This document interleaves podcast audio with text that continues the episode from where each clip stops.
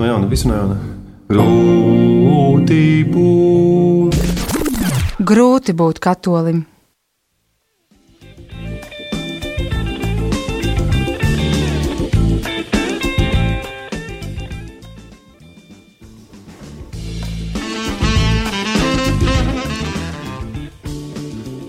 Kas ir integritāte?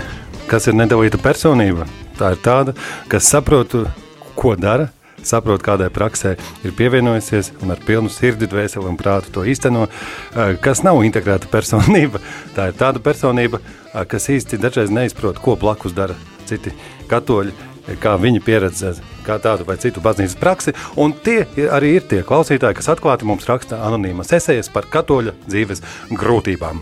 Mani sauc Viesturs Vizulis, raidījums grūti būt katolim, un šodienas klausītāju grūtību eseju mēs analizēsim kopā ar priesteri Kārli Miķelsonu. Labdien! Brīnišķīgi. Kārlis Miķelsons viegli viņu ir pieteikt, jo nav jānosauc kāds ļoti garš un sarežģīts draudzes nosaukums šobrīd studiju periodā. Kur tas studējat, priesteri? Es studēju Romā, es uh, tagad uh, rakstu doktoru darbu liturģijā, un uh, esmu patiesībā tagad visu vasaru pavadījis Latvijā, Svētā Franciska draudzē, varētu teikt, nu, pa pusē seminārā, pa pusē uh, baznīcā, un uh, tagad atskatoties redzu, ka man ir bijis lieliska vasara. Viss semināra biblioteka bija manā rīcībā, un, un es tur tā savu iekārtoju veselu galdu, savāc visas grāmatas, kas man interesē, un brīnišķīgi pavadīju daļu no vasaras vismaz uh, ļoti skaistā vietā, semināra bibliotekā, kurā saule iespīd eh, lielāko dienas daļu un ir ļoti tāda produktīva atmosfēra. Nu, brīnišķīgi. Ja, ja nu gadījumā tiešām kāds klausītājs padomātu, ka priesteris studē Lauksaimniecības universitātē Jālgavā, Nenē, Romā, seminārā apkrāvis galdu ar zināšanām par liturģiju, un tāpēc arī, acīm redzot, būs, lab, būs gana labs eksperts mūsu šodienas esējai, priesteris Kārlis Miķelsons. Klausamies eseju.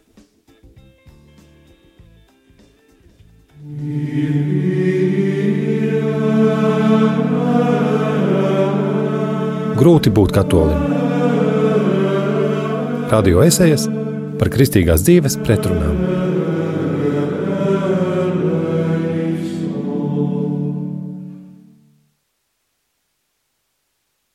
Paldies par raidījumu grūti būt katolim uzdrošinos nosūtīt arī savas pārdomas un nepilnīgumu sajūtu. Regulāri klausos Rādio Mariju, un vēl tagad atceros, ar kādu līgsmību ēterā notika gatavošanās pāvesta Franciska vizītei 2018. gadā. Arī es šo pārējušu rezultātā iesilu patīkamās gaidās. Domāju, ka nu tik būs priecīgā satraukumā ieslēdz Latvijas televīzijas pirmo kanālu, lai dzirdētu pāvesta uzrunu uzreiz pēc ierašanās. Un pati sevi šokēju. Bija tik garlaicīgi, tik ļoti garlaicīgi. Lai kā censdamās, tomēr pēc brīža televizoru izslēdzu, nesagaidījusi pārraides beigas. Biju vīlusies pati sevī, Sapratu, ka nevaru mākslīgi sevī kultivēt īpašas simpātijas, mīlumu vai interesi pret pāvestu. Man šķita vienalga, kurš būtu nolasījis šo Vatikānā sagatavoto priekšlasījumu. Nekāda garīga pacēluma. Gribēju šo īpašo katoļu prieku sevī iesildīt vēlāk, kad vecrīgā centos pastiepties, lai redzētu pāvesta iziešanu no svētā jēkaba katedrāles. Tas man izdevās. Redzēju viņu no dažu desmit metru attāluma. Dažas sekundes, un svētais tēvs bija prom. Manā katoļa sirdī nekas pat neietrīcējās. Vai tas ir normāli? Vai būtu nepieciešams trenēt sevī prieku un simpātijas pret Romas pāvestu? Vai tam ir saistība ar manu ticību Dievam un Kungam Jēzum Kristum? Līdzīga sajūta.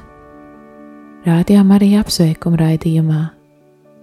Senioru vecuma klausītājs regulāri apsveica vairākus priesterus, priesterības jubilejās un vārda un dzimšanas dienās. Apsveicami! Zinu, ka par draudzes ganiem vajag lūgties, varbūt kādreiz apsveikt svētkos, bet kā lai sevi motivēju, nes no kurienes izzināt priesterības jubileja datumus, priecāties par jaunu bīskapu ordināciju. Vēl taču ir arī tāds nuncijs, tam nezinu precīzu vārdu. Vai būtu pietiekami, ja saspringtajā laikā censtos mīlēt tikai Jēzu Kristu un par šiem viscienījamākajiem apstuļu pēctečiem īpaši neinteresētos?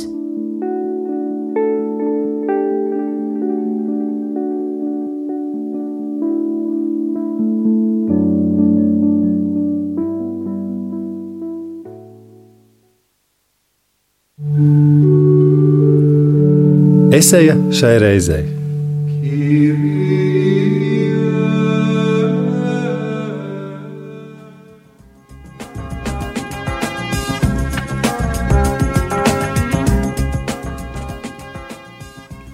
Noskanēja jau esēju šai reizei. Jā, tādā filozofiskā noskaņā tādā savā, savā skumīgumā, varētu pat teikt. Bet, eh, ko nu mēs, mēs pasakāmies vēl klausītāji par, to, par šo atklātību, un, ja nu gadījumā kāds atpazina balsi, kas lasīja šo esēju, tad ziniet, tā nebija autore, tā bija Radio Marija eh, brīvprātīgā balss, kuru daudz varbūt pazīst. Nē, nē, mēs nodrošinām tā, ka neviens neuzzina nekad, kurš šādu esēju rakstījis. Vienīgais nosacījums, ka mēs apsūdzam iespēju robežās tikai paši sevi un savu šo pretrunu izklāstam tātad paplašinātākā veidā un info at rml.lv šādu esēju droši varat atsūtīt arī jūs. Vai tas ir normāli? Ne, neizjust īpašu mīlumu un prieku par Romas pāvestu? Bija pirmais jautājums šai esējai. Kā jūs domājat, Kārli? Man, man, man tas ļoti asociējās ar tādu 70, 70. gados tapušo lūgu, kā es jums piespiedīšu mīlēt Raini. Tā mēs varētu šīs dienas raidījumu pārdevēt, es jums piespiedīšu mīlēt pāvestu. Bet, nu, nu jā. uh, mīlēt nu, kādu piespiest. Iemīļot, teiksim tā. Vai, vai, vai mēs varam paši sevi piespiest kādu mīlēt vai pret kādu kultivēt tādas uh, siltas jūtas, ja mums viņas dabiski nerodās. Uh, nezinu, bet uh, katrā ziņā es gribēju mazliet vēl atkāpties, ja drīkst. Jā. Uh, uz uh, to uh, notikumu pirms diviem gadiem, proti uh, minēto, ka pāvests bija šeit Latvijā un tas bija pavisam, nu, pirms dažām dienām svinējam to gadskārtu. Un uh, tad uh, es domāju, varbūt, ka viņa nebija šīs vēstules rakstītāja vienīgā, kura varbūt bija gaidījusi uh, kaut kādas tādas uh, uh, paceltākas tās emocijas vai arī kaut kādu tādu lielāku saviņojumu par to visu. Man jāatzīstās, ka man personīgi tāds bija, cevišķi Aglonas svētajā misē, kad varēju skatīties kādu brīdi arī tā no malas, redzēju pāvestu stāvam, redzēju cilvēks, kas sapulcējušies Aglonas sakrēlajā laukumā un pārņēma man, protams, tādas ļoti skaistas izjūtas, bet arī es atceros to pirmo satikšanos ar pāvestu Domu baznīcā, kad biju arī viens no tiem, kuriem bija uzticēta tā uh, liturģiskā, jeb tāda, uh, kurā slūkšana raksturs ir tādas pāvesta tikšanās organizēšana un sagatavošana, un tā satikšanās ar pāvestu bija tāda pēkšņa, viņš bija ieradies nedaudz ātrāk nekā plānots, ienācis tur tajā telpā, kur, uh, pareizāk sakot, viņš jau bija pirmais, un tikai es tad skrēju no kaut kāds no Doma baznīcas otra gala, jo redzēja, ka viņš ir ienācis, un, un tad vajadzēja ātri mazliet pastāstīt, kas ir plānots, kas viņam būs jādara, un, un tāda bija tā pirmā tikšanās. Un, nu, nebija laika, protams, tajā brīdī īpaši domāt, ko es jūtu, vai, vai tur bija galvenais nu, to pasākumu labi uh, uh, ievadīt un uh, lai viss notiek apmēram kā paredzēts. Bet varu iedomāties arī to sajūtu, ka, nu, nezinu īsti, ko gaidīt, bet pāvests ir cilvēks. un, un cilvēks. pāvests ir, ir cilvēks uh, gados ar savu harizmu, ar savu lielu atbildīgu kalpojumu, kura dēļ mēs patiesībā viņu arī cienam, kura dēļ mēs par viņu lūdzamies, bet jāsaprot, ka jebkurš cilvēks uh, agri vai vēlu, uh, nu, mēs nevaram sagaidīt no viņa uh, vienmēr uh, brīnums un, un kaut kādu pārdabisku pieredzi, jo, jo tā nav atkarīga vienmēr no, no paša cilvēka.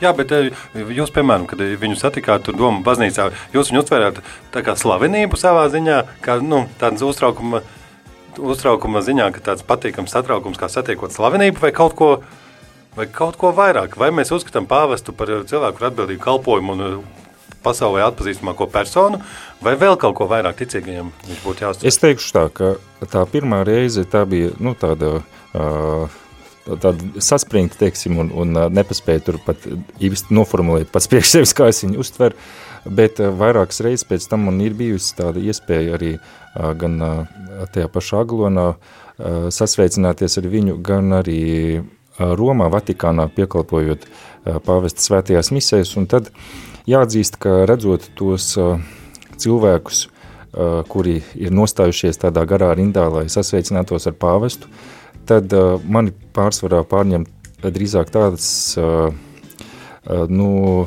līdzjūtība, tas varbūt ir tā pārāk spēcīgi teikts, bet es, uh, man būtu kauns prasīt vēl kādu gabaliņu, kaut vai gabaliņu uzmanības priekš sevis no pāvesta, redzot to, cik prasīga ir tā viņa ikdiena, cik daudz ir to cilvēki, kuri vēlas kaut ko no viņa paņemt, un, un zinot to, ka mēs visi katoļi tomēr, varētu teikt, esam vienā laivā, uh, nu, laivā, kurā pāvestam ir arī liela nozīme, kurā viņš lielā mērā atrodas, uh, protams, kā uh, nekā uh, nu, kā absolūtā autoritāte, kas var būt vienīgi Kristus, bet tomēr redzamajā baznīcā viņam ir šī uh, galvenā autoritāte. Uh, un uh, drīzāk bija tā, ka gribās, lai viņš iegūtu sev tā, kaut kādu attēlpu un, un, un lai, lai mēs pārāk viņu nenogurdinām ar to savu klātbūtni un kalpojumu. Jā, bet jūs teicāt saņemt kādu gabaliņu no pāvesta.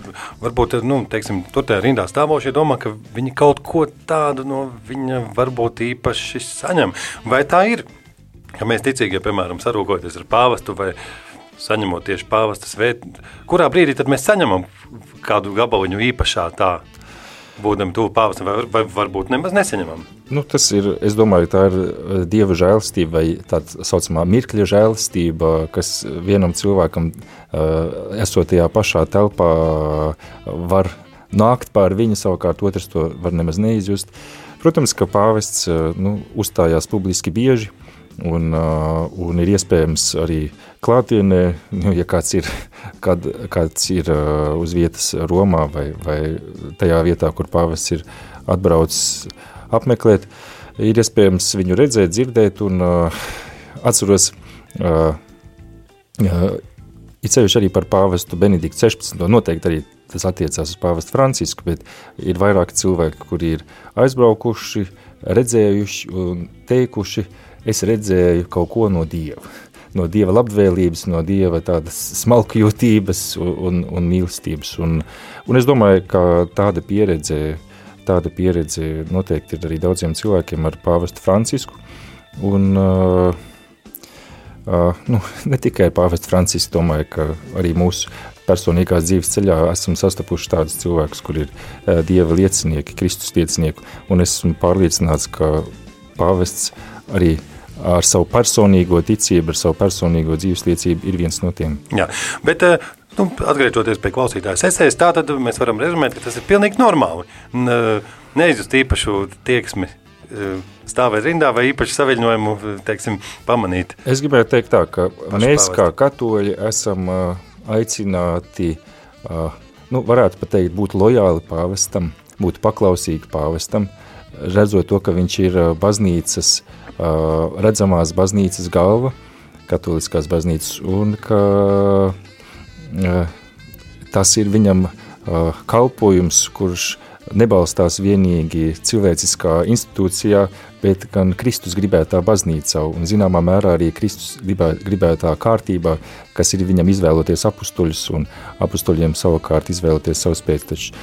Un, Ko jūs ar to gribat teikt? Es gribu teikt, ka mēs pat ja nejūtam kaut kādas īpašas simpātijas, pat ja nepaspējam izlasīt visus dokumentus, noklausīties visas uzrunas, kuras diezgan uh, bieži arī pāvests saka vai raksta, tad vienalga nekad nekļūdīsimies, ja paliksim tādā, nu, kā arī šī sieviete rakstīja, vajag lūgties, tas ir lūkšanas vienotībā ar pāvestu un uh, gatavi paklausīt uh, vai, vai iet līdzi uh, viņa norādītajā virzienā vai atsaukties uz viņa pamudinājumiem. Tātad varbūt mēs varam rezumēt, ka ir pilnīgi normāli, teiksim, neizjust īpašas sajūtas vai tiecības satikties klātienē, bet, piemēram, drīzāk lojālāk iedziļināties viņa paustajos kādos dokumentos un norādījumos ticīgajiem. Tieši tā. Un ā, vēl gribēju patiesībā pateikt, ka viņš pats savā enciklikā evaņģēlija prieks ir rakstījis, ka evaņģēliju sludiniet sludinot, ir uh, svarīgi ievērot arī proporcijas, un viens no tām ir uh, nerunāt par pāvestu vairāk kā par Dieva vārdu. Tas nozīmē, ka Jā. patiesībā uh, ir šī arī ticībās, ticības dzīvē ir šī, zināmā, hierarhija, kas ir Kristus persona, kas ir Dieva vārds, kas ir, protams, citā pakāpē, kā, kā tās institūcijas, kaut arī viņi iestādītas un viņi gribētas, bet kas kalpo tam, lai, lai, lai, lai šis vārds pie mums nonāktu. Starp citu, uzreiz pajautāsim par to iztikas minimumu, ja mēs tā varam teikt, ka mēs kā ticīgie katoļi, protams, ka visiem mums ir maz laika, un mēs steigi aizdējam, paspējam nonākt misē, paspējam uz grēksūdzi, ja viss labi izdodas. Bet kāds ir tas minimums, cik mums pašiem būtu jāizrāda iniciatīva ko uzzināt par pāvesta rakstīto vai teikto. Vai mēs varam tikai paļauties uz mūsu priesteriem, kuri mums nodos vajadzīgo? Un paši par to, to Romas. Es domāju, tas ir individuāli. Es pats atzīšos, es nepaspēju izsekot pāvesta visām uzrunām, pat tiem dokumentiem. Es uzskatu, ka kaut arī viņi ir adresēti visai baznīcai, kā mēs zinām, Moris Lietīcija, mīlestības prieks vai dažas citas konkrētām tēmām veltītas enciklikas vai dokumenti, tad es uzskatu, ka ir jomas speciālisti, kuriem ir pienākums vai uzdevums to pēc tam skaidrot tālāk citiem ticīgiem, pieņemsim, teologiem, katoliskajā baznīcā būtu jau kā uzdevums sekot līdzi arī tam, ko saka raksta pāvests savukārt. Nu, es gribēju teikt, mums ticības ieri, mums ierīniekiem, ierīniekiem uh, uh, ticībā, tad uh, ir jāskatās pēc, pēc mūsu laiku un iespējām. Un, uh, un, un skaidrs, ka, uh, ja jāizvēlās ir uh, atvēlot laiku lūkšanai vai izlasīt evaņģēlīja fragmentu vai, piemēram, kādu pavestu uzm, uzmud, uzmudinājumu vai rakstu, tad uh, priekšroka ir dot, uh, dodama Dieva vārdam un tad eh, šis eh, pāvesta eh, teiktais varbūt kā komentārs tam, jā, jā. kā šo dievu vārdu mēs varam mūsdienās aktualizēt. Bet vai, tad mēs varētu arī teikt, ka mēs pa lielam ticīgie ierindnieki, kā jūs teicāt, varam būt savā ziņā mierīgi, ka jau kaut kas būs svarīgs, kas mums ir jāuzzina, tad mūsu ganiem un teologiem būtu līdz mums šī informācija jānogādā.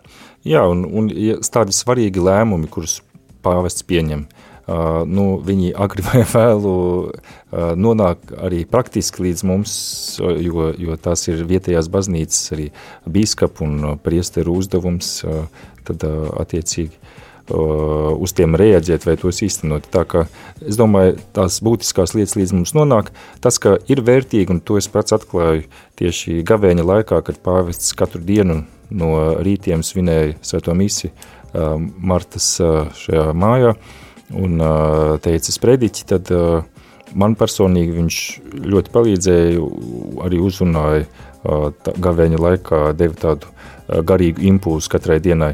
Ir vērts ieklausīties tajā, ko saka pāvests, pāvests Francisks, viņš runā ļoti konkrēti, praktiski, tā gandrīz nekad nav vienīgi teorija, bet uh, ir gan kaut kas tāds, ko varam reāli pielietot savā ikdienas dzīvē. Nu, ko? Šajā redzējumā grūti būt katolim. Apskatām esēju, kur klausītāji atzinās par nespēju iemīļot pāvestu un vizītes laikā nogarlaikošanos, pie, klausoties viņa, viņa uzrunu pa televīziju. Un pēc dziesmas mums ir jāpārunā vēstules otra daļa par to, kā mēs varam, tātad cik ļoti mums jāmīl un jāatbalsta mūsu priesteri un bīskapi un kā pareizi jārēģē uz viņa ierašanos mūsu dzīvē. Un kas tad ja blakus mums esošie draudzes cilvēki to it kā dara intensīvāk un mīļāk, ir ko pārdomāt, eh, lai noskan mums kāda dziesma.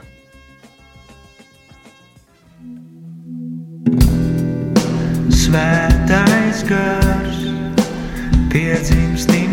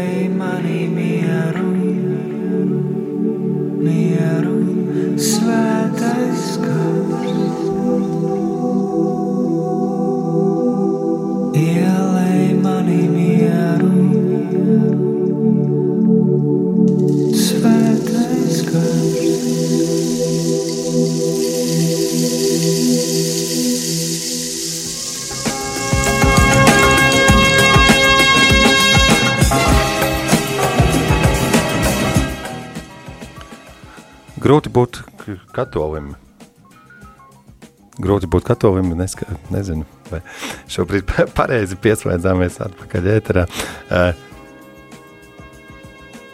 un uh, š, pirmajā redzījuma daļā mēs lasījām klausītāju, kādu klausītāju eseju uh, par, par tēmu, kur bija grūti iemīļot pāvestu vizītes laikā, neizjūt īpaši pacēlumu, kā ticīgā redzēja, ka pārējie izjūta nejūtās īsti ar to komfortabli. Un esejas otrajā daļā um, Esejas otrajā daļā savukārt eh, mēs eh, redzējām, mēs tika uzdots jautājums arī par eh, šeit pat radio Marija ēterā skanošajiem apsēkumiem priesteru jubilejās, dzimšanas un vārdu dienās vai priesterības jubilejās. Un patiešām apskaužami un skaisti, ka gados vecāks klausītājs tiešām kaut kas zināja pat vairākiem priesteriem. Es arī biju dzirdējis šādu, kad pienākas šī jubileja. Un uh, Un tad klausītāji savā veidā uzdeva jautājumu, vai mēs gadījumā, ne, vai nav iespējams, ka mēs priesterus tādā ziņā mīlam par daudz kādreiz. Kā jūs domājat? Nu, priesteri nevar par daudz. priesteris. Nē, nu, uh, uh, tas īstenībā ir tāds jautājums uh, diezgan sarežģīts, es teiktu, tāpēc, ka priesterim ir zināmas tādas nu, attiecības ar ticīgajiem, kas, kas, kas iziet no tā kalpojuma, kas viņam uzticēts, proti ganīt, vadīt, svēdarīt, un, un mēs saskatām priestera personā kaut ko tādu, kas pārsniedz viņu pašu, proti tas kalpojums, tā dāvana, ko viņš ir saņēmis, dāvanu tieši priekškalpošanas, tad arī zināmā mērā ir tā, es domāju, kas cilvēkus pievāk, kas rada cilvēkos šo cieņu. Tad, kurā brīdī būtu pārspīlēts, nu, līdzīgi jau kā runājam par pāvestu, viņš teica, nerunājiet par pāvestu, pārfrāzējot vairāk kā par Dievu vārdu, tas nozīmē, ka, ka par kalpu vairāk nekā par kungu. Tā līdzīgi arī ir ar priesteriem, lai tā mūsu uzmanība un lai tā mūsu mīlestība uz priesteri nekļūst mums svarīgāk par to, kāpēc priesteris vai priesteriskais kalpojums vispār ir, proti, lai mums palīdzētu ceļā pie Kristus. Nu, lūk, tas nozīmē, mēs varētu teikt, ka pat, ja, piemēram, kāda ticīga dāma ir atnesusi priesterim burko raveņu ievārījumu, apsveikusi viņu vārdu dienā un vēl aizsūtījusi radio apsveikumu priesterības jubilejā, tad viņai jāpārveicinās, vai viņa tajā dienā būtu arī mazliet palasījusi, piemēram, Dieva vārdu vai stājusies, teiksim, personiskā lūkšanā varbūt. Es, es teiktu, ka Es pats atceros, arī nu, jebkurš priesteris ir, ir, ir bijis arī, arī lais un tā teikt normāls ticīgais. Un es atceros arī, ka nu, jau patsmitnieks, ka gāju un ar priesteriem runāju un, un ir bijuši vairāk priesteri, kuriem manā dzīvē ir bijusi svarīga loma tieši ievadot ticībā. Uh, Un uh, es atceros, ka saskatīju viņos uh, galvenokārt nu, to uh, garīgo kalpojumu, jeb to, to harizmu, kas viņiem ir dota, un tieši tas bija tas, kas man interesē, un tieši tas bija tas, ka, kas izraisīja manī šo cieņu. Proti, atnesot uh, ievārījumu burku, Aveņu ievārījumu. Aveņu ievārījumu burku priestrim. Skaidrs, ka izveidojās arī tīri cilvēciska saita, tīri cilvēciska draudzība starp priesteru un starp ticīgiem, un, un tā ir arī uh, vajadzīga, nepieciešama draudzē, nu, tādas draudzīgas, sirsnīgas attiecības, bet, bet es domāju, ka tā pamatmotivācija vienalga ir, ka, nu, atbalstam priesteri un mīlam priesteri mūsu kopīgiem labumam, lai, lai, lai, lai, lai atbalstītu to viņa darbu draudzē, lai atbalstītu viņu pašu, lai viņš būtu spējīgs draudzē dot no sevis labāko un, un, un nu, tādā veidā tas neizslēdz viens otru, kā atbalstam priesteri, bet līdz ar tajā pašā laikā arī dodam savu artavu vispār mūsu ticīgo kopīgajā labumā. Nu, lūk, dodam savu artavu, caur to atbalstīšanu jūs arī to minējāt šajā gadījumā. Uh, jā, nu, par aveņu ievārījumu runājot, bet uh, nu, skaidrs, jā, ka arī priesteri dzīvo uh, no tiem ziedojumiem. Neprasa man, kā tas tiek regulēts. Es nekad neesmu bijis draudzē prāvests. Es biju gal, galvenais atbildīgais arī par finansiālo daļu. Es, es nemācēšu pastāstīt, kā konkrēti tas tiek regulēts. Katrā ziņā, nu, zinu, protams, ka, ka, ka tie ir ticīgo ziedojumi, tās ir, nu, Jā, tas atbalsts. Tātad mēs varētu teikt, ka vēl bez kādiem apsveikumiem šeit radio, kad priesterības jubileja, kādas ticības māsas ir zinājušas par vairākiem priesteriem pēc kārtas, ka varbūt primārais tātad, ka šai mūsu esejām, esejas rakstītāji nebūtu jāuztraucas, ka primārais, kā viņi var izrādīt savu lojalitāti priesterim, būtu atbalstīt viņa, viņa to pirmkārt kalpošanas karizmu un viņa var justies mierīga, ka viņa noteikti nezina visas dzimšanas Jā, dienas. vārddienas. mierīgi. Es personīgi arī nezinu visas dzimšanas dienas un vārda dienas uh, uh, saviem brāļiem priesterībā. Un, uh, nu, tas varbūt ir cits jautājums arī, protams, kā, Bet kā kāds būtu veido tas minimums? attiecības. Kāds būtu tas minimums? Kas būtu tas veselīgais, eh, veselīgais, veselīgais kontakts ar savu draugu prāvestu? Un tā, tūlīt tiksim arī līdz bīskapiem. Zini, es pat tā, es teiktu, ka es noteikti nesagaidītu no katra draudzes locekļa, draudzē, kurā esmu, ka mani kaut kā īpaši piemina vai sumina. Skaidrs, ka kalpojot uh, kādā konkrētā, nu, patiesībā esot jebkurā kolektīvā, uh, tas ir nu, tikai normāli, ka mēs domājam viens par otru.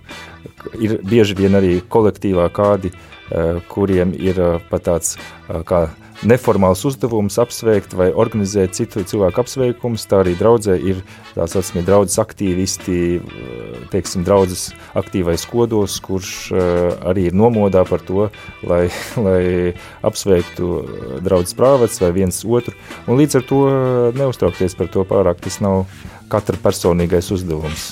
Jā, bet jūs iepriekš minējāt, ka iepriekš, kad, bija, kad bijāt lais, ka jūsu tieši ticības eh, dzīvi ietekmējuši vairāk jūsu priesteri garīgie vadītāji, ka jums interesē tā, šis viņu tas eh, kalpojums vairāk. Gribējās eh, pajautāt, tad jau jūs minējāt, ka esat piekalpojis arī misēs, kuras vada pats svētais tēvs, gan misēs, kuras vada tātad, acīm redzot, jūsu autoritātes priesteri. Vai, vai varētu teikt, ka, ka tur jūs saredzat to pāri cilvēciskajam esošo? nu, vai jūs izjūtat to, pārcil, to pārcilvēcisko daļu tajā brīdī, vai tāda vispār jāizjūt? Uh, nu, viena, protams, no tām privileģētajām vietām, kurā mēs vispār varam piedzīvot zināmu tādu pārdabisku pieredzi, ir uh, liturģija un svētā. Un, uh, protams, ka priesteris, kurš caur kuru Kristus darbojās īpašā veidā, tad arī veids tādu kalpojumu un uh, ir saņēmis dāvanu, kas pārsniedz viņu pašu.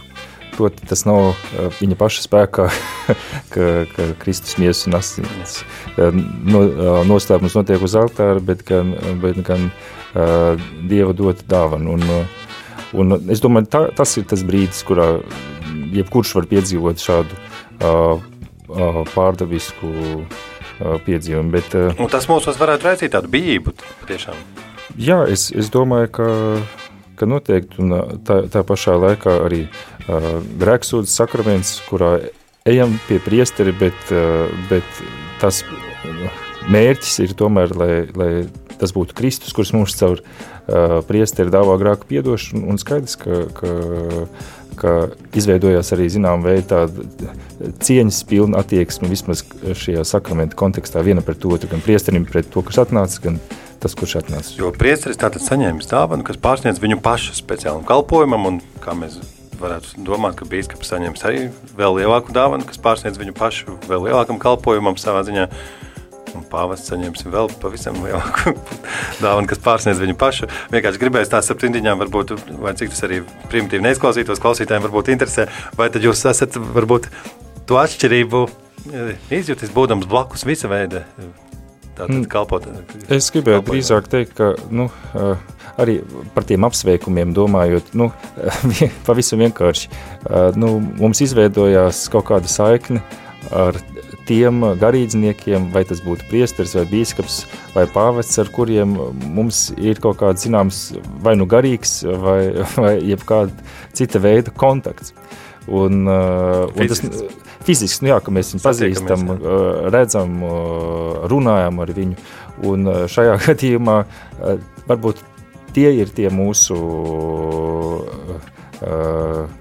garīdznieki, kurus varam apsveikt, kuriem varam palīdzēt, bet tas nenozīmē, ka mums tagad jāņem ir rokā katoļu baznīcas kalendārs un jāmeklē visi tie, kurus nepazīstam, jo, jo nu, Bet tātad bet pamats izjust bijību gan pret saviem, gan eh, citiem priesteriem ir šī dāvana pār, pār jā, nu, pašiem, ko jūs jā, minējāt. jā, un es, es, ā, protams, ka izjūtu, zinām, ā, bijību arī pret savu bīskapu, jo, jo, jo tas ir viņš, kuram es esmu salīdzis paklausības solījumu, tas ir lielā mērā viņš, kura, kuram ir uzticēta vietējās baznīcas uh, vadība un uh, kura pakļautībā es esmu un esmu sevi nodevis.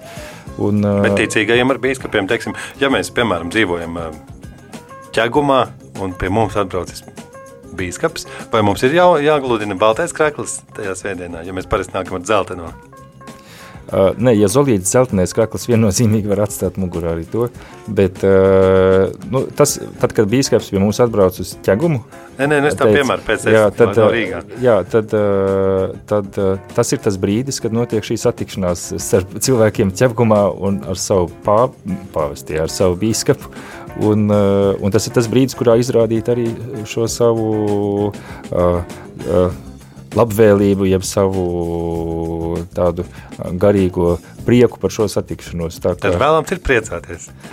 Es teiktu, jā, es teiktu, ka tas ir nu, tāds normāls, kā, kā tā, kad lasām svētajos rakstos, piemēram, apstuļu Pāvila vēstulēs viņa draudzēm.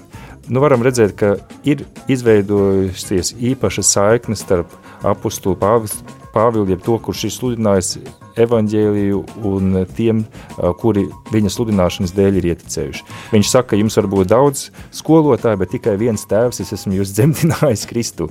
Un šāda zināma tāda ģimeniska saikne izveidojās arī šajā garīgā ziņā starp tiem, kuri ir, kuriem ir šis kalpojums veikt tādu garīgo vadību, garīgo pavadību, un, un tiem, kuri viņiem uzticās un arī atklāja bieži vien savus sāpes, savus priekus. Un, un, uh, es domāju, vienmēr Vai tā, tur bīskapiem kāds atklāja savus sāpes vai priekus? Viņi taču liekas tik svarīgi, ka pie Jā, viņiem bet- labāk pat nenākt. Jā, bet ar biskupu katrā ziņā tas uh, tajā brīdī mēs šajā uh, ķeguma draudzē, kura mēs tagad pieķēramies, mēs izdzīvojam zināmā mērā to, kas ir baznīca. Tas, ka tieši šis uh, bīskaps ir mūsu uh, vietējās baznīcas, uh, varētu teikt, saikne ar, ap, ar apustuļiem, un, un tas ir garīgs prieks, garīgs notikums, kad mēs piedzīvojam šo zināmā mērā tādu ticības pilnību, kad mūsu vidū ir šis apstuļu pēctecis un, un, un uh, izdzīvojam spēcīgi, ko nozīmē katoliskā baznīca, ko nozīmē Kristus uh, iedibināta baznīca. Jā, un uh, es zinu, kādiem klausītājiem noteikti interesēs, vai mūsu dienās vēl ir spēkā tāda iespēja, ka mēs kādam garīdzniekam, bīskapam, priesterim, nuncijam, vai mums ir pie izdevības ir jāskopsta roka kādam no viņiem? Uh, Tāda noteikuma nav. Un tas pārsvarā ir atkarīgs no paša biskupa, vai viņš to vēlas vai nē. Tagad zinu, ka pāvests Francisks nepārāk. Uh, Bet ir bijusi tāda, tāda padarīšana. Es atvainojos par šo vispār, vispār uh, uh, baznīcas vēsturē. Nē, nē, nu mēs pat filmās netik senā noteikti. Jā, nu, protams, ka ir bijusi un, un arī priesteriem skulptūra rokas kā cieņas izrādīšana zīme, jo tajās rokās tika svētīts ar krismas eļu viņu ordinācijā, bet e, nu, nav tāda likuma, nav tāda noteikuma, un es teiktu, ka e, es, es neteiktu, ka tas ir tukšs žests, tas zināmā mērā izrāda mūsu šo uh, cieņu, mūsu mīlestību, ne tikai pret pašu to bīskapu, bet gan pret to, kuru viņš pārstāv redzamā Jā. veidā. Tad varētu būt runa, pieņemsim, nu, iztēlosimies situāciju, ka mūsdienās mēs eh, sastopam kādu bīskapu vai priesteri savā ziņā, vienalga kādos gados, bet uh, kurš it kā, vai mēs varam nojaust, ka viņš mūsu virzienā kā sniedz mums roku, gaidītam, ka mēs to skūpstīsim. Es teiktu, Varbūt ka- mums jāzina tāda situācija. Es teiktu, ka priesteru gadījumā mēs varam būt pilnīgi droši, ka viņi nedod mums, ka viņu pastieptā roka nav domāta skūpstam, bet kā lai mēs to pas, pas, paspiest. Jā. Un savukārt ar bīskapiem. Tad, nu, to var redzēt, jāatzīst, ka nu, nākas, kad oficiālas vizītes notiek, tad iepriekš varbūt pat pajautāt, bet, bet to var redzēt ar pirmo, ja redz, ka bīskaps mazliet rauj ārā to roku vai, vai, vai katrā ziņā no šīs kūpsta žesta pāriet uz tādu parastu sarokošanos, tad ir skaidrs, ka, ka ar šo konkrēto bīskapu vislabākais veids ir sarokoties. Bet, uh, lai būtu skaidrs, bet uh, vai mēs teorētiski varam gadīties, ka kāds to sagaida šobrīd? Es domāju, ka sagaidīt, sagaidīt, es domāju, ka paspiežot bīskapam roku, vismaz Latvijas kontekstā, mēs nekad nekļūdīsimies. Jā, nu, paldies. Tā savā ziņā neliels atvieglojums, un arī diezgan izsmeļoši. Es pieļauju, tika izskaidrots, ka šī pāri mums esošā dāvana, šī mūsu, ka priesteri un bīskapi ir mūsu tās kā, kāpnes, mūsu piederība un vienotība ar visu katolisko baznīcu, ko mēs arī svinam viņu satiekot, un kāpēc ir tikai dabiski eh, kopā tic, citiem ticīgajiem nopriecāties, bet nav arī nekāds liels grēks nenopriecāties, ja vien mēs neperinam sevi iekšē kādas citas nelojālas eh, domas, bet noslēdzot eh, par šo Es eju sarunu, tur bija vēl kāds jautājums, un to mēs formulēsim to viņās uh, atsevišķi. Otrais uzdevums 45. lapusē.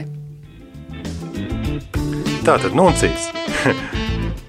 Vai mums ir, kas kā sauc nunciju? Tāds ir 42. uzdevums 45. lapusē. Klausītāji teica, ka viņi nezinot.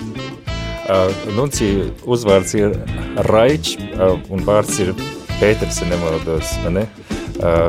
Līdzīgi. Un,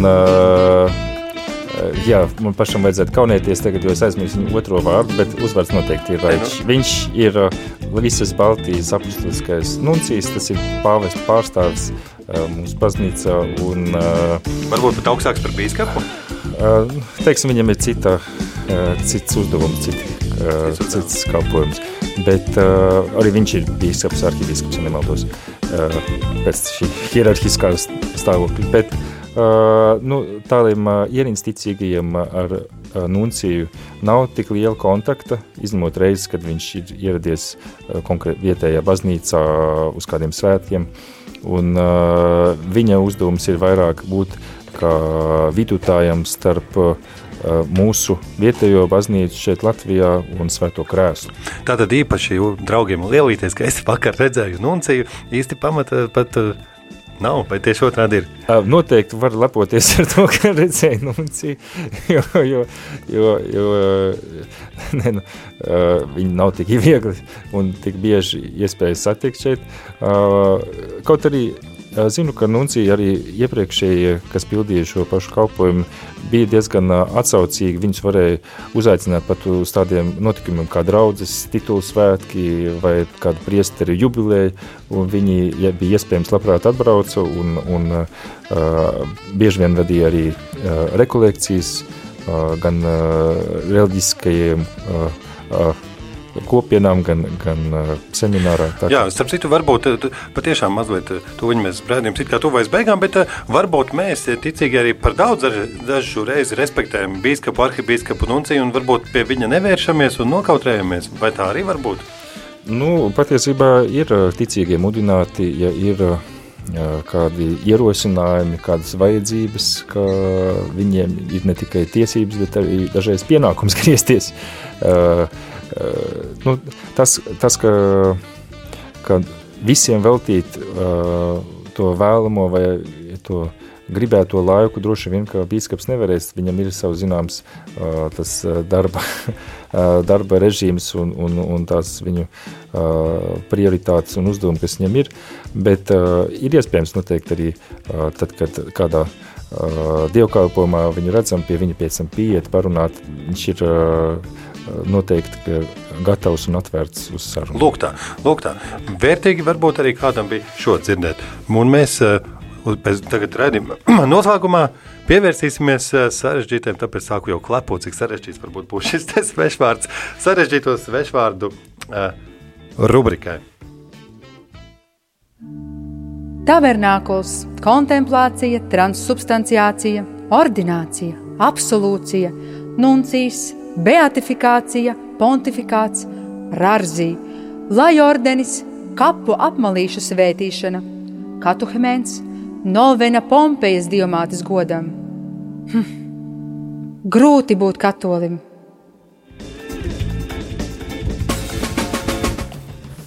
Nu, ko, šodien arī bagātināsim varbūt sevi ar kādu jaunu, jaunu svešvārdu izpratni. Droši vien mēs jau viņus dzirdam un daļai izprotam, bet atkārtošana, kā mēs teikt, ir eh, zināšanu sula. Nē, tā nesaka atkārtošana zināšanu māte. Bet uh, sakiet, uh, Kārli, priesteris Kārlis Miķelsons, pirms atvadām mums ir kādus svešvārdu, kas viņam mīļāks mums lūdzu paskaidros. Jā, nu tas svešvārds ir eh, labi zināms un bieži dzirdēts, tā ir liturģija.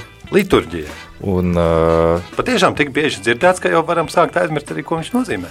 jā, nu tas ir no grieķu valodas uh, leitos un ergon. Leitos ir uh, uh, tautas, īpašības vārds, un uh, ergon ir darbs, lietvārds. Tas nozīmē tautas darbs. Un uh, interesanti ir šī vārda izcelsme antīkajā Griecijā, uh, kas nozīmē, ka tas var būt gan darbs, ko pati tauta dara uh, kopīgiem labumam, kā nodokļu maksāšana uh, vai kara klausības. Tas var būt arī darbs, kuru veids kāda noteikta grupa no iedzīvotiem priekš pārējiem, vai pat kāds mecenāts vai viena persona, piemēram, tiltu uzbūvē priekš savas pilsētas. Un uh, šis vārds nozīmē arī to vēlāk kulta darbību, jeb reliģisko kultu, un tieši tādā nozīmē mēs viņu izmantojam tagad katoliskajā baznīcā, to saprotot baznīcas oficiālo kultu, baznīcas dievkalpojumu. Tautas darbs. Tautas darbs. Tautas darbs. Un tautas darbs un priekš liturģijas izpratnes, tas arī var palīdzēt saprast to, kas ir liturģija. Proti, ka tas ir tas, ko tauta dara pati, proti tauta, jebkurš ticīgais kristītais liturģijā piedalās kā tās svinētājs. Nevis kā klausītājs, skatītājs, bet gan viņš pats svin liturģiju, tās ir viņa svinības.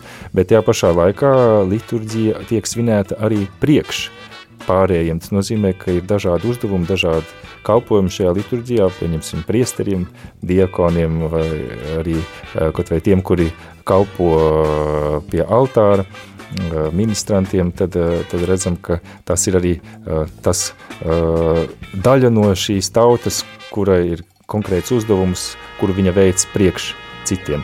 Tā kā, Priekš vi- visiem vai priekš ticīgajiem, vai priekš dieva? Priekš kā tas ir Pirmām- tautas darbs? Tāds? Pirmām kārtām darbs, jā, ja liturģiju varam saukt par darbu, tas nozīmē, ka pirmām kārtām priekš tiem, kuri svin šo liturģiju, kuri ir ieradušies, sapulcējušies uh, redzamā veidā konkrētajā vietā, bet tajā pašā laikā liturģija arī pārsniedz šīs redzamās, uh, redzamās svētsapulces robežas. Uh, mēs varam runāt arī par to neredzamo baznīcu, kura piedalās, par kuru mēs aizlūdzam, arī par mūsu mūžībā aizgājušiem. Tajā pašā laikā liturģijā mēs arī lūdzam un aizlūdzam par tiem, kuri nav klāt, uh, un uh, patiesībā par, par visiem cilvēkiem. Paklau, priesteri Kārli, tāds, man, man to man radies vēl viens jautājums, jūs izskaidrojat to, tikko tos antīkā, to grieķu nozīmi. Bet uh, man kā rādījuma vadītājiem jāpārstāv arī tā klausītā daļa, kas, kas ir kam šobrīd ieinteresē. Tad kas ir liturģija? Liturģija nozīmē, ka mēs visi kristītie piedalāmies Dieva darbā. Jā, bet uh, ja kāds teiks, ka mums katoļiem ir liturģija, bet, piemēram, baptistiem, uh, protestantu brāļiem nav liturģijas, pieņemsim. Uh, Ko viņš ar to tādā gadījumā teiks? Ja, ja, Uh, ka, Mēs, Kas jā, tā primārā zinu, nozīme? man būtu grūti tagad uh, tur dažādas tādas nu, liturģijas piemēram. izpratnes un grādus raksturot, bet mēs varam teikt, ka uh, arī dievu vārdu lasīšana, dievu vārdu klausīšanās ir liturģija, cevišķi uh, svētās misijas laikā, tā taču ir liturģija, kad mēs klausamies kopīgi svētos rakstus, kad tas tiek pasludināts mums. Un uh, varam teikt, ka mūsu brāļiem uh, šāds liturģiskais elements pastāv. Un arī šim uh, Dieva vārdam, kurš ir pasludināts, kurš tiek skaidrots, arī ir zināms, varētu teikt, sakramentāls spēks. Uh, reāli tas nozīmē, ka vārds, kurš ir dzīves iedarbīgs un darbojas. Paklau, vienīgi, ja jau mēs šodien skaidrojam šo vārdu liturģija, varbūt kāds iepriekš bija domājis, ka liturģija tas nozīmē dievkalpojumu kārtība. Noteikti dievkalpojumu kārtība. Vai tas ne, nebūtu, nav, tā tad nav visai precīzi? Nē, liturģija, ā, tas ir ā, patiesībā rietumu baznīcā, tas ir uh, iegājies samērā vēl tikai 16. gadsimtā un nostiprinājies mums tikai nesen 20. gadsimtā, tajā mūsdienu izpratnē, ka tas ir tas redzamais oficiālais baznīcas dievkalpojums, kas ir sakramentu svinēšana, kas ir dievvārdu, kas ir stundu li- liturģija un kas ir, protams, mūsu labi pazīstamā svētā misa. Savukārt Austrum baznīcā ar liturģiju saprot tikai un vienīgi Euharistijas svinības, jeb svēto misiju. Tas nozīmē, ka dažādi izprot šo vārdu, dažādi kristieši mūsdienās. Nu, jā. Nē, nē, dīvaini atkal sanāk, man mazliet piesieties, bet ja kāds mums katolim nāk garām un jautā, ko tas vārds liturģija nozīmē, tad, tagad es apjuku, vai es teikšu tautas darbs, vai tas nozīmē, ka jā, jo, jo, redz, svinības. Tāpēc, ka, ja man vajadzētu vienā formulā definēt gan redzamo, gan neredzamo, jo redzamais ir baznīcas oficiālais dievkalpojums. Neredzamais ir tas noslēpums, kas tiek svinēts, proti, ka tas ir Kristus, kurš ir galvenais liturgs, ja galvenais tas, kurš darbojās liturģijā, bet mēs, viņa locekļi, viņa miesas locekļi, svinam šo liturģiju kopā ar viņu. Tas nozīmē, ka mēs, nu, tagad es redzu pēc tavām acīm, ka viņas kļūst aizvien lielāks, bet katrā ziņā, ka, ka mēs, ka liturģijā svinētāji ir gan Kristus, gan, gan visa baznīca, gan priesteri, gan ticīgie. Nu, lūk. Tas ir patiešām atsevišķi, varbūt rādījuma vērts. Tas jau ļoti smags jautājums. Jūs, mēs nejauši šeit pacēlām, it kā gribēdam šo, pat tāpēc jau ir sarežģīto vārdu rubrika, ka nav no, nemaz tik. Tā, es sarežģīju to tikai vēl vairāk, tagad izpratni par liturģiju. Bet... Nekas, nekas. Radio, šeit radio notiek gan priestara katehēzes, gan dažādas galu galā liturģijas svinības tiek translētas pietiekami bieži. Es domāju, klausītāji to ar jaunām ausīm nākošais klausīsies un noteikti līdz galam izprast mums to izdosies. Priesteris Kārlis Miķelsons studē gan Romā, gan Rīgā un kļūst par arvien kompetentāku priesteri. Paldies, ka atnācāt. Sakiet kaut ko līdzīgu uz redzēšanos šobrīd. Kaut kas līdzīgs uz redzēšanos. Perfekti. Lai skan dziesma, un mēs tiekamies nākamā nedēļa. Grūti būt katolim, jūs nepametīs tik drīz.